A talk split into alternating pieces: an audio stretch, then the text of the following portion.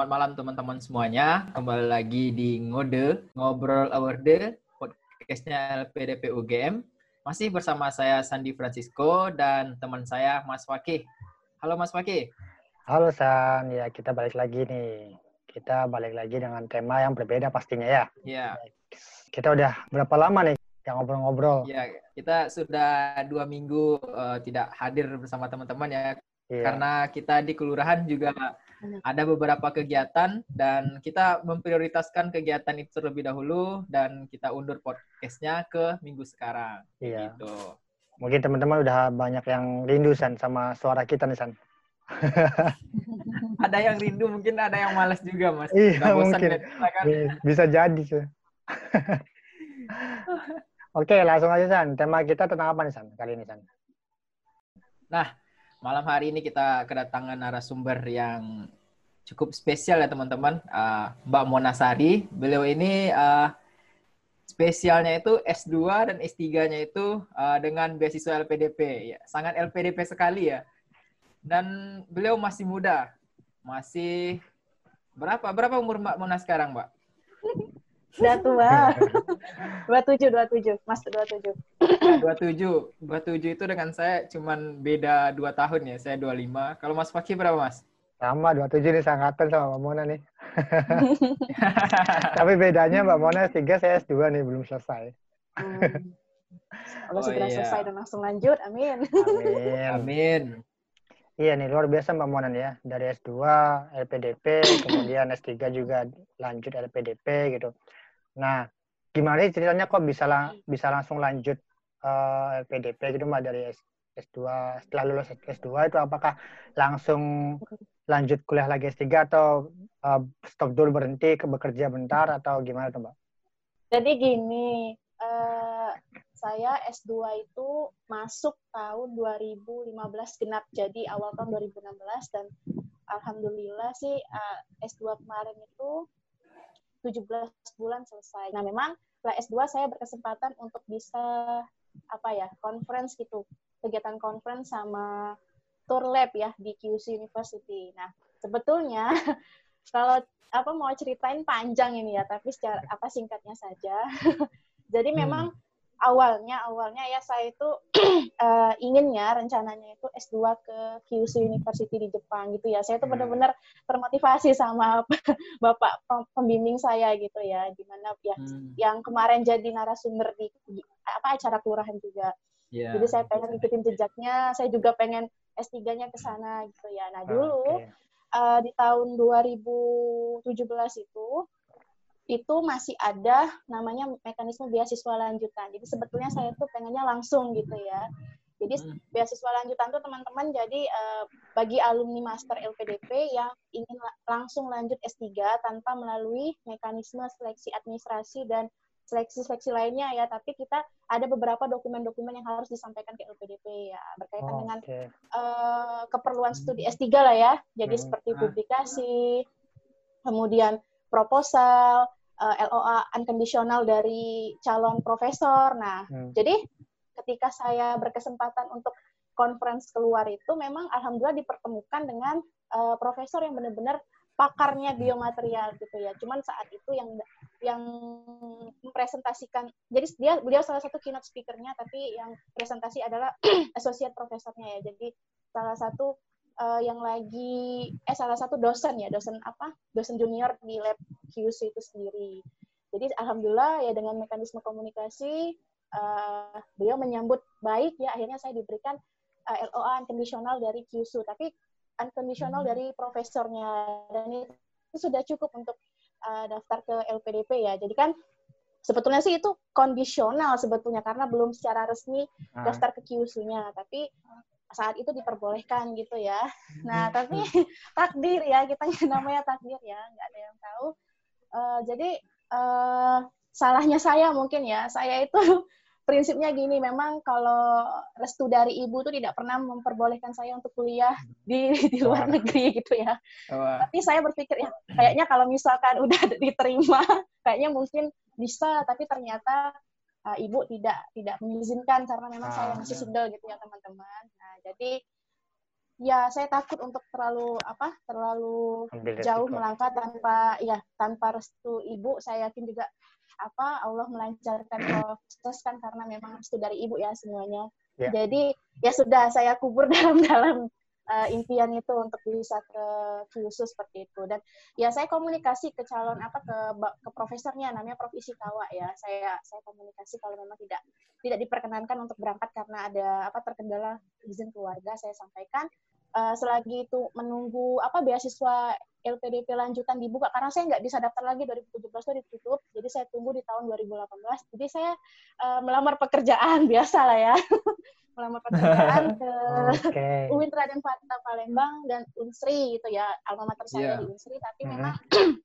di Unsri itu tidak membutuhkan dosen dengan kualifikasi S2 dan saya harus S3 seperti itu ya sudah Hmm. tapi alhamdulillah UIN menyambut baik ya uh, lamaran saya alhamdulillah karena memang dibutuhkan jadi ya saya jalani lah ya sam- sambil menunggu biasanya kan LPDP itu buka di bulan 5 ya tapi kok Iya. sampai bulan 5 ditunggu kok nggak ada gitu ya LPDP ini ya eh ternyata tanggal 5 Mei saat saya habis ngajar gitu ya teman-teman eh, Hmm. keluar pengumuman dari Ibu Suri kita ya Ibu Ratna kalau Tara beasiswa lanjutan dihapuskan Waduh. jadi Oh, sudah dihapuskan ya, Mbak ya? dihapuskan ya. Iya, jadi Oh. jadi mulai tahun 2018 itu tidak Ah. ada lagi mekanisme beasiswa lanjutan. Jadi terakhir itu di tahun 2017. 17. Nah, kemarin tuh Oke. Oh, karena iya, iya. saya apa nunggu wisuda, jadi kan ijazahnya itu baru keluar Oktober, sedangkan Ah, eh, terakhir daftar itu sekitar bulan September, kalau September. nggak salah ya. Jadi saya nggak Hmm. kekejar.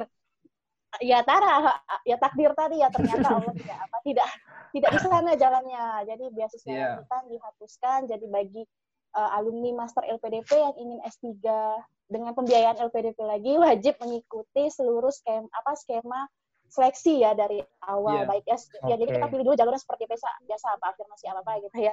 Ya udah jadi akhirnya ya saya menikmati. Sempat kecewa pasti kecewanya dua kali ya. Yang pertama tidak diridhoi keluar yang kedua Iya. ya beasiswa beasiswanya tuh nggak apa nggak ada tapi memang saya tuh terlalu apa ya sebenarnya kan banyak beasiswa beasiswa lain cuman saya pengennya itu saya ingin sekolah itu pakai dana yang memang dari negara saya sendiri Hmm. seperti itu Ah. saya bisa membanggakan negara sendiri lah jadi oh Indonesia tuh juga mampu gitu loh kalau saya tuh motivasinya seperti itu teman-teman jadi jangan sampai kita di apa di apa ya nomor sekian kan terus ya meski Iya. kita masih Iya, negara berkembang oke. seperti itu sih motivasi saya Oke. Saya ya menangkap cerita yang sangat ini ya, menginspirasi ya, Drama. dari Mbak Mona ya. Dan Iya, betul. saya mengikuti rel cerita Mbak Mona itu, ah, jalannya cerita itu seolah-olah saya membayangkan nanti saya berada di posisi beliau seperti amin amin ya Allah amin amin Iya, besok, betul, betul. Kemudian ah, menyusun rencana untuk segera lanjut S3, tapi itu langsung patah ketika ternyata beasiswa lanjutan itu sudah tidak ada lagi ya Mbak. Iya, tapi Oke. nah itu tadi ya. Jadi pas bulan 5 itu sempat saya kecewa ya. Ya adalah beberapa hari itu saya ya saya tuh jadi orang yang diam ya karena dua kali. Galau gitu, Pak ya? Iya, tapi ya sudah berarti memang Allah kan sudah memberikan amanah saya untuk Iya. mengabdi dulu ya. Ya udah berarti ya saya apa saya concern di sana. Jadi di akhir tahun 2018 gitu ya. Saya iseng-iseng buka web LPDP kan, kayaknya udah rindu banget ini apa kabar ya. Karena benar-benar setelah kejadian eh, bulan 5 itu benar-benar saya nggak pernah apa follow up lagi ya web itu. Berarti saya harus mempersiapkan semuanya dari awal karena harus tes lagi gitu ya. Hmm. Iya. Tapi entah kenapa tanggal 5 Desember tuh saya, saya tuh pengen banget buka web LPDP ya. Jadi saya cek, wah lagi ada pembukaan beasiswa LPDP afirmasi santri. Kok ini kayaknya baru ya? Ternyata setelah saya cek loh, saya bisa daftar ke sini karena memang kebetulan sebelum berangkat S2, saya sempat ngabdi di pesantren, ngajar fisika ya. Dan Oke. alhamdulillah pesantrennya tempat saya ngajar itu dulu Ah. sudah terdaftar di Kemenak, jadi kayak punya nomor induk gitu. Oh, Jadi iya, iya, semangat iya. dari mana saya langsung menghubungi pimpinan kita besok harinya alhamdulillah Bu Nyainya menyambut dengan positif saya di- diperkenankan untuk datang ke pesantren dan dikasih rekomendasi Oke, dari cerita Mbak Mona tadi salah satu uh, pesan yang bisa saya ambil atau poin yang bisa saya ambil itu ada semangat dari Mbak Mona, semangat yang sangat tinggi ya, sangat tinggi kalau saya lihat ketika lulus S2 itu mau langsung melanjutkan ke S3.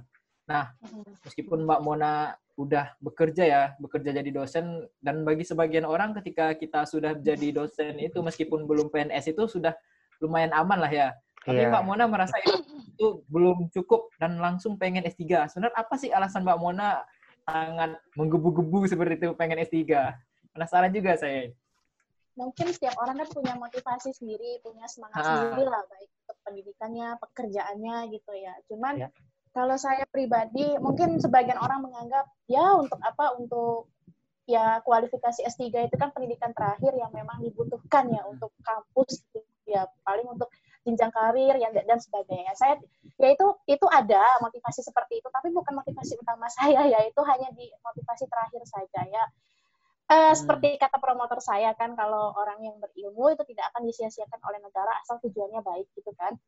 Iya. Nah itu yang memotivasi juga. Yang kedua itu ketika saya merasa riset saya waktu S2 itu tanggung ya. Memang sudah bisa diaplikasikan, cuman skalanya itu tidak besar gitu ya. Hmm. Dan saya merasa tanggung kalau memang mau selesai, memang riset itu bisa sampai lima tahun gitu ya. Memang apa menghasilkan produk-produk yang banyak dan dengan apa dengan terapan yang lebih lebih tinggi lah gitu ya. Nah jadi Iya.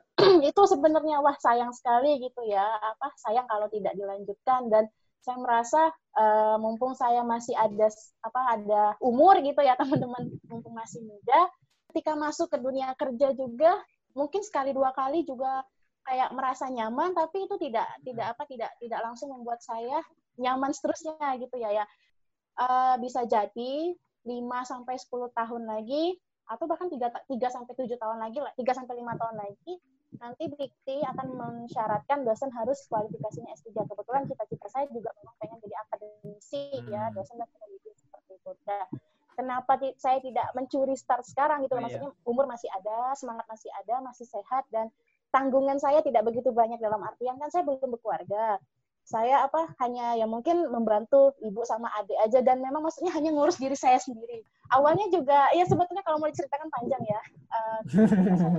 Juga juga ada pengorbanan sebetulnya ya. Ya. Karir saya sebetulnya kan saya saya kan statusnya dosen dosen Iya, UKM itu. Ya. gitu ya. Itu Saya yang saya berangkat itu tadi, tidak Mbak. ada iya tidak ada apa tidak ada jaminan saya ketika saya Kembali lagi. bagaimana gitu kan. Heeh. Nah, itu pengorbanan besar sebetulnya. Dan kalau boleh saya buka di sini, ketika saya sedang melakukan proses daftar LPDP, saya juga sedang proses untuk kedosen tetap gitu ya. Jadi ada mekanisme Oh, iya. seleksi itu sendiri, ya NIDN seperti itu. Tapi dan pengumumannya juga bareng ya. luar biasa saat itu saya dilanda dilema luar biasa. Ya hidup Iya. adalah pilihan. Jadi eh, sudah saya saya apa saya sudah melakukan apa ikhtiar untuk apa ya untuk ke Allah gitu ya saya saya soal istihoro ini saya harus milih yang mana ya Allah LPDP atau IDN ya bahasa bahasa Iya. ya aku nggak munafik ya teman-teman pasti ada kekhawatiran ini aku Ya, berangkat betul. Tiga baru saya melepaskan karir gitu ya Iya, Tapi betul. tadi betul. eh, akhirnya Allah menunjukkan apa ya petunjuknya ya jadi saya ingat banget waktu itu jadi hari hari Jumat itu kan saya Jumat itu pengumuman LPDP ya 15 Ya. Maret itu pengumuman saya lulus ya tapi hari Senin itu pengumuman yang NIDN tadi Ya. ya jadi saya dikasih Hmm. waktu sama prodi itu hari Minggu untuk memutuskan gitu ya saya milih yang mana ya Allah Wah, eh, sebetulnya apa? Ya kalau orang-orang kalau misalkan saya tanya sahabat-sahabat pasti kan pilih ya pilih aja karir udah enak banget Ya. bisa. Ya, betul. Betul, betul, Karena, betul. ya. karena udah jelas Iya, gitu kan. pasti ya. Udah jelas, jelas. deket rumah lagi kampusnya masih Ya. dalam satu kota gitu ya. Tapi hati saya tuh menolak teman-teman karena saya sudah tahu sistemnya di sana seperti apa gitu ya. Akhirnya malam minggu saya memberanikan diri ngechat bapak promotor saya ya ya Allah. Karena saya terlalu karena saya melihat beliau. Orangnya ya insya Allah memang tawadu ya pasti punya pandangan yang beda. Saya WA beliau panjang kali lebar saya ceritakan ya. Akhirnya singkat cerita beliau cuma bilang gini ya di chat terakhirnya, Mbak masa depan tuh di tangan Allah gitu ya. Iya, Kamu iya, sudah benar. apa sudah istighoroh, sudah mena- sudah pasti sudah ibadah segala macamnya. Eh, yakin saja masa depan di tangan Allah, eh, rezeki Iya. juga di tangan Allah. Orang yang berilmu itu tidak akan disia-siakan sama negara. Jadi Bismillah eh, ikuti kata hatimu karena kalau kita tidak sesuai dengan kata hati pasti hasilnya juga tidak baik. Iya, San. Jadi ceritanya sangat menarik, San, ya? Dari Sangat Mbak menarik Mona sekali, Mas. Oh, gila. Um, Mbak Mona mengalami cerita yang sangat panjang, drama yang sangat panjang. Mungkin kalau misalkan posisi saya di Mbak Mona juga bakal apa ya, bingung kali ya, um, milih Hmm. antara Heeh. uh, lanjut, cuman ada peluang yang lain gitu.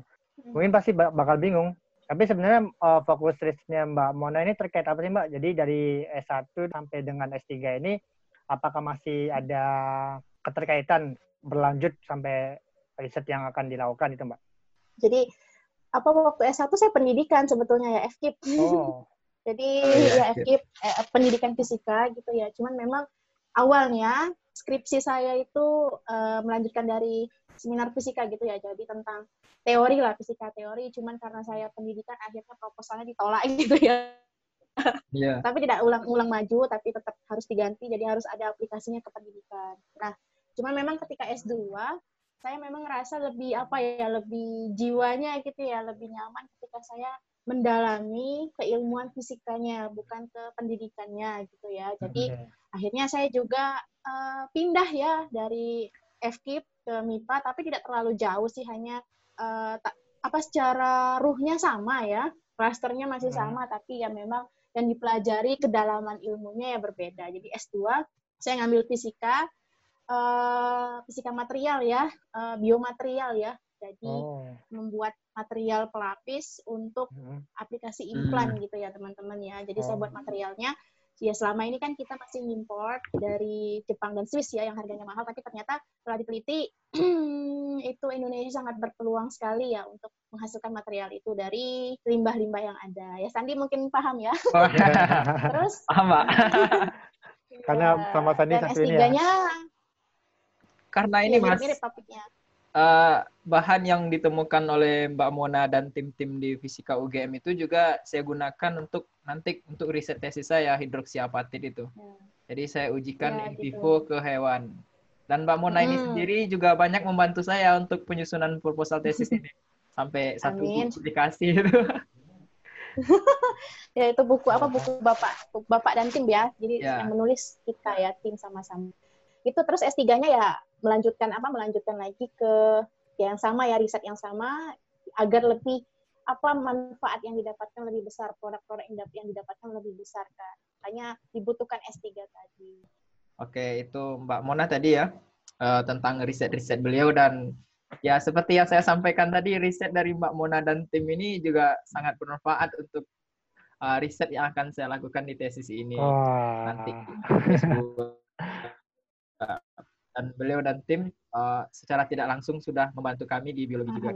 Nah, Mbak Mona, tadi Mbak Mona setelah S2 ke S3 itu kan jaraknya tidak jauh ya dan Hmm. eh, Hmm. sama-sama mendaftar di beasiswa LPDP dan eh, dua-duanya diterima di beasiswa LPDP. Itu apa sih eh, tipsnya Mbak jika kita sudah selesai dari beasiswa LPDP, S2-nya kita mau lanjut ke S3 itu gimana sih enaknya apa tips-tipsnya biar kita lancar lah jalan Lancar. kita kayak gitu Mbak. Karena prinsipnya aku hampir sama sih dengan Mbak Mona Mas juga pengen lanjut langsung kayak gitu. Kalau Ah. calon belum ada nih ya lanjut aja langsung kayak gitu.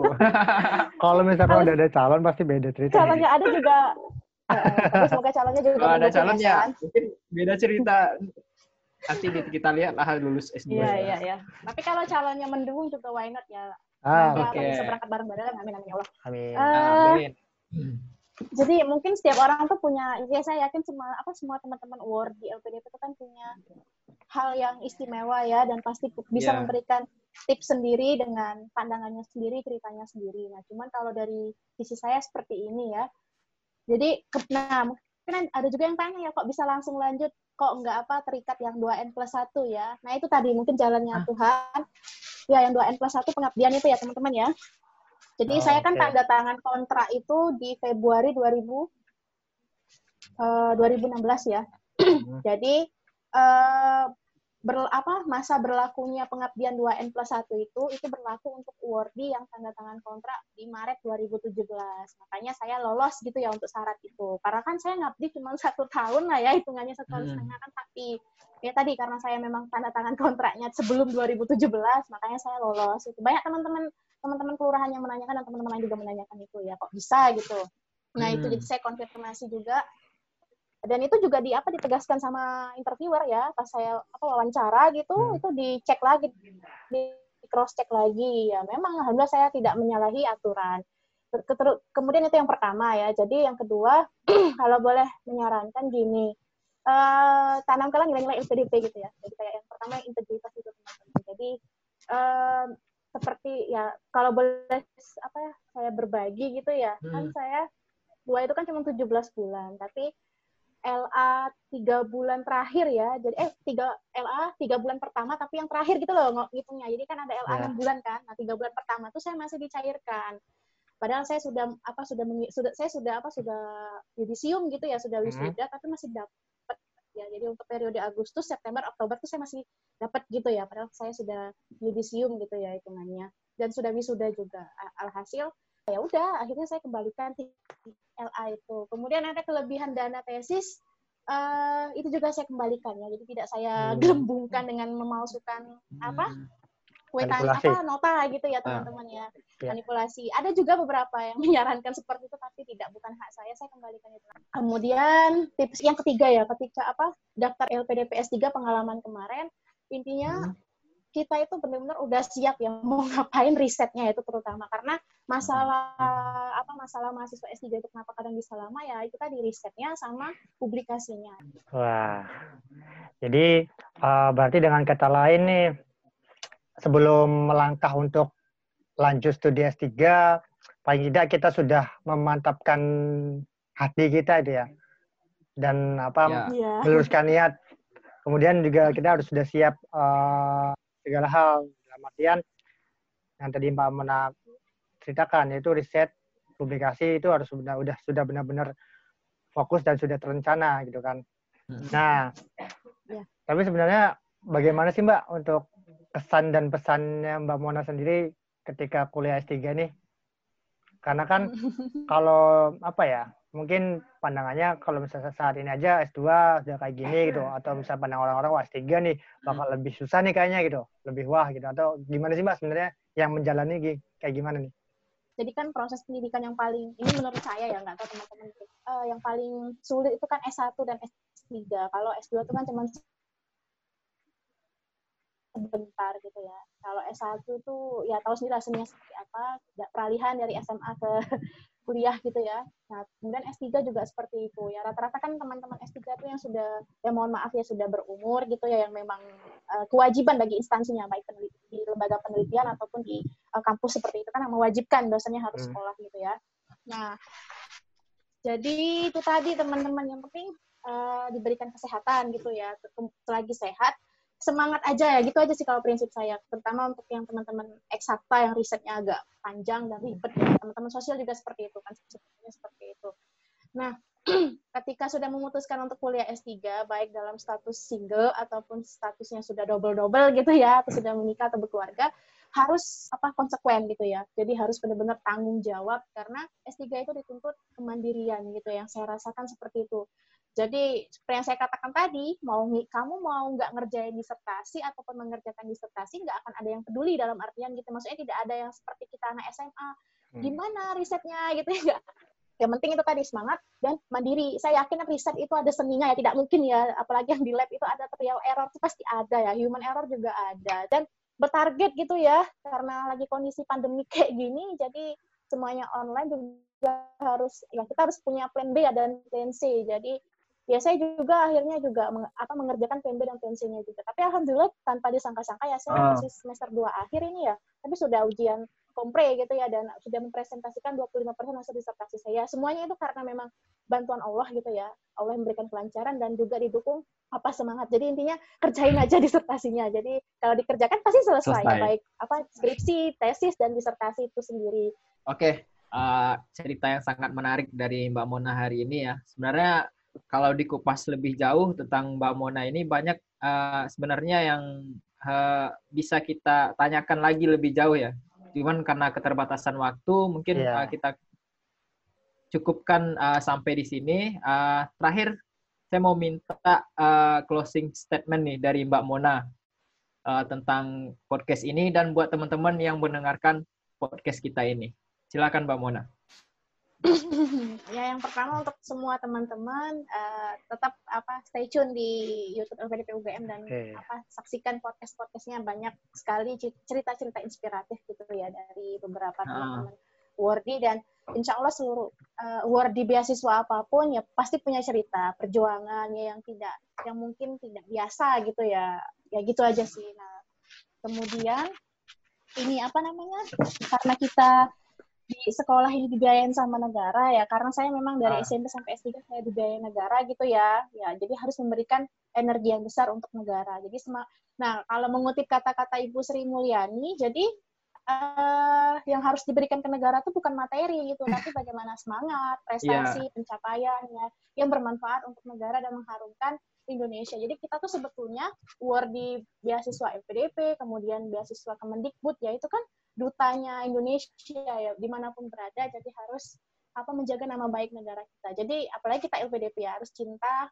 apa NKRI, meski kita dari berbagai macam afiliasi, iya. mazhab yeah. gitu ya, atau ya ormas-ormas gitu ya. Aliran ya. ormas partai ya, Mbak. Ya, ya. ya, jadi tetap kita harus satu ya, kita cinta Indonesia. Itu sih teman-teman untuk yang apa lagi S2 dan S3 dan memang ada keinginan untuk studi S3 ya dipersiapkan uh, semuanya. Dan memang harus apa punya semangat dan perjuangan di atas rata-rata gitu ya. Apalagi yang punya apa keterbatasan. Ya setiap orang punya keterbatasan semuanya. Saya ada teman-teman yang lain juga pasti ada.